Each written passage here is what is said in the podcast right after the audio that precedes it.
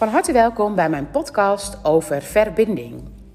Deze week op donderdag geef ik een webinar waar je je overigens nog gewoon voor op kunt geven. ehm, over ehm, relaties en de present child methode. Oftewel, hoe vertaal je dat wat je in de buitenwereld ziet of dat wat je van je kinderen ziet naar je relatie? En stel je voor, ehm, nou, je loopt tegen bepaalde dingen in je relatie aan. Hoe zou je dan bepaalde dingen kunnen vertalen naar jezelf en kunnen meenemen op je pad? Eh, een prachtige materie waarbij je ook gewoon relatietherapie zou kunnen doen. Want het moment dat je bijvoorbeeld dat het niet helemaal lekker loopt in de relatie, heb je heel erg de neiging om hetgeen van de ander van jezelf af te duwen. En ehm, het moment dat je dat van jezelf afduwt, dan ben je niet in verbinding. En dat is waar mijn podcast over gaat. Oftewel, stel je voor, ik vind iets van iemand. Stel je voor, ik zou iets van Stefan vinden van de manier waarop hij bepaalde dingen doet. Dan wijs ik dat wat hij doet af. En als ik het afwijs, voel het zelf maar eens wat er dan gebeurt. Dan wordt een deel van hem afgewezen. En dan is dat deel, zijn wij met z'n tweetjes niet meer in verbinding. Want ik zou het anders doen dan hem.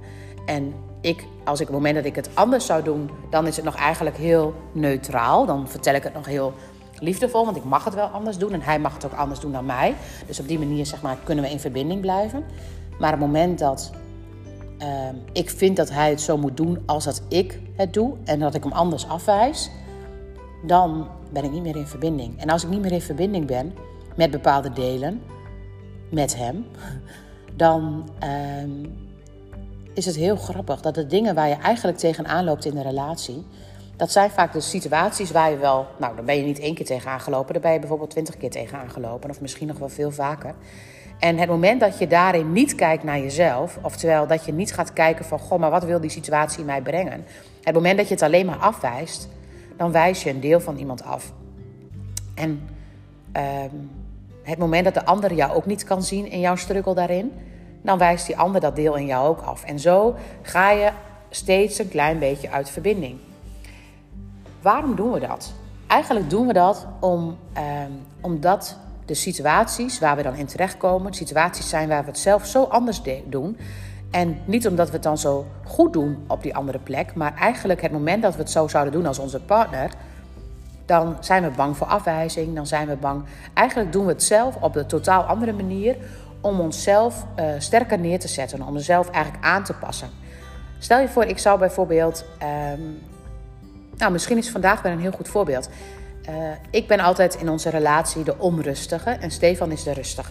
En Stefan is heus niet altijd rustig, maar Stefan die kan echt heel goed rust bewaren en die kan heel goed dingen overzien.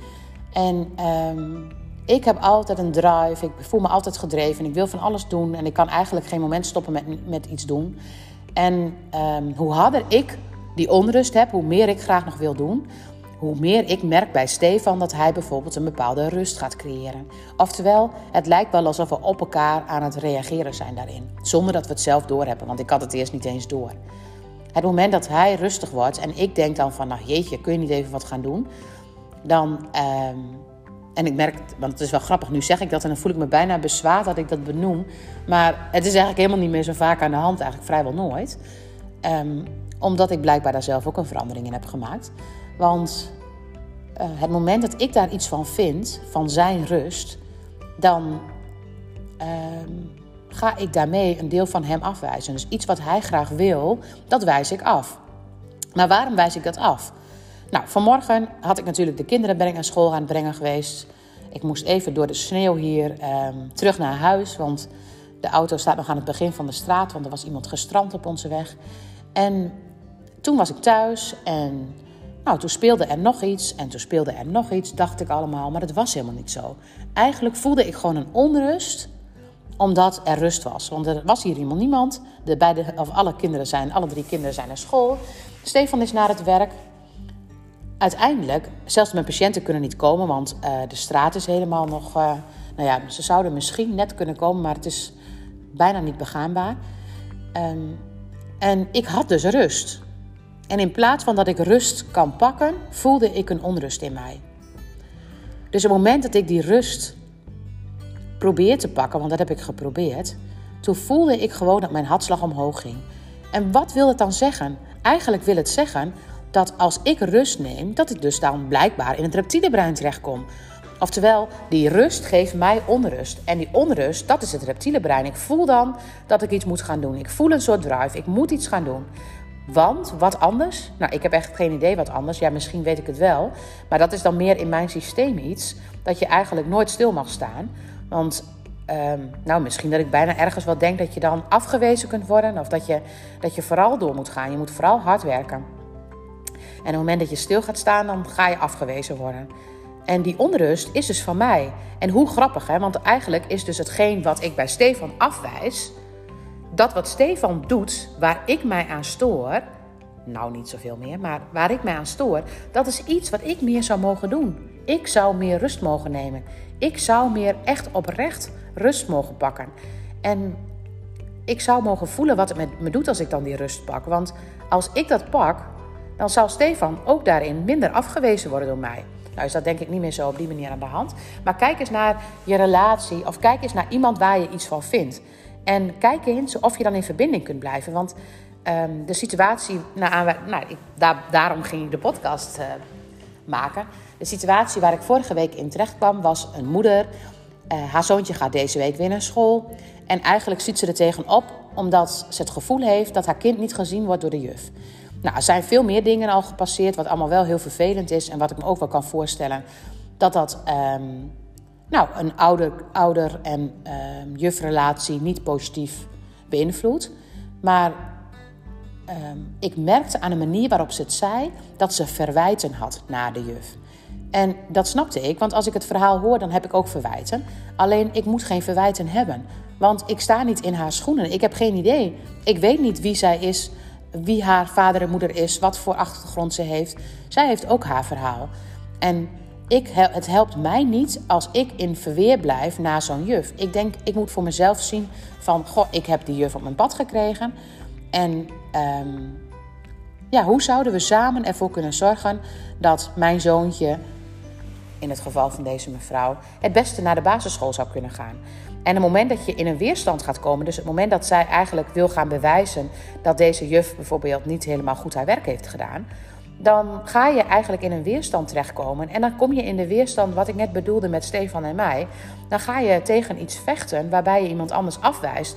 En voel eens hoe je dan eigenlijk afdrijft. Dan ga je de verkeerde kant op. Je blijft niet in verbinding. Het is belangrijk om op zo'n moment nou, het moment dat je bijvoorbeeld tegen iets aanloopt, tegen een baas, tegen een teamleider, tegen wie dan ook maar, kijk dan eens wat het met je doet. Wat maakt het in jou los?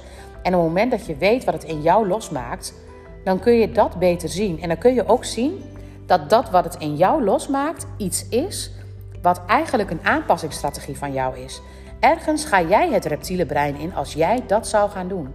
Dus als je bijvoorbeeld ehm, naar de situatie kijkt bij deze juf, um, deze moeder had zelf een ervaring op de basisschool. Of eigenlijk haar ouders, die hebben de kinderen van school gehaald. Omdat het heel onprettig was op die basisschool. Dat is inmiddels al jaren geleden. En eigenlijk weet deze moeder dat ook niet meer. Maar in haar systeem zit wel een extra alertheid van of de leerkracht het goed doet. Want ze hebben een ervaring waarbij, het, waarbij ze een ontzettende achterstand hebben gekregen. Oftewel, in haar systeem zit er een situatie waarbij er echt een soort van um, overlevingsstrategie is toegepast op um, de school en op de leerkracht. En automatisch gaat deze moeder, zonder dat ze het zelf doorheeft, ook al extra makkelijk weerstand bieden naar de school. Zonder dat ze het echt. Ze is niet, het is een hele liefdevolle vrouw. Maar automatisch kijkt ze met die ogen, omdat ze onbewust in haar systeem een situatie heeft die daarop lijkt. En als je dat dan onbewust hebt, dan ga je onbewust, zo gauw als er ook maar een klein tikkeltje geprikkeld zou kunnen worden op dat systeem, ga je heftiger reageren. En als je heftiger gaat reageren, als je al makkelijk in de vecht, vlucht of verstarstand komt ten opzichte van een leerkracht en je bent niet meer in verbinding, want dan ben je niet meer in verbinding, dan zie je de ander als een roofdier. En op het moment dat je ander als een roofdier gaat zien, dan gaat, moet de ander zich ook gaan verweren. Dus automatisch krijg je dan, want verweren, automatisch krijg je dan een weerstand.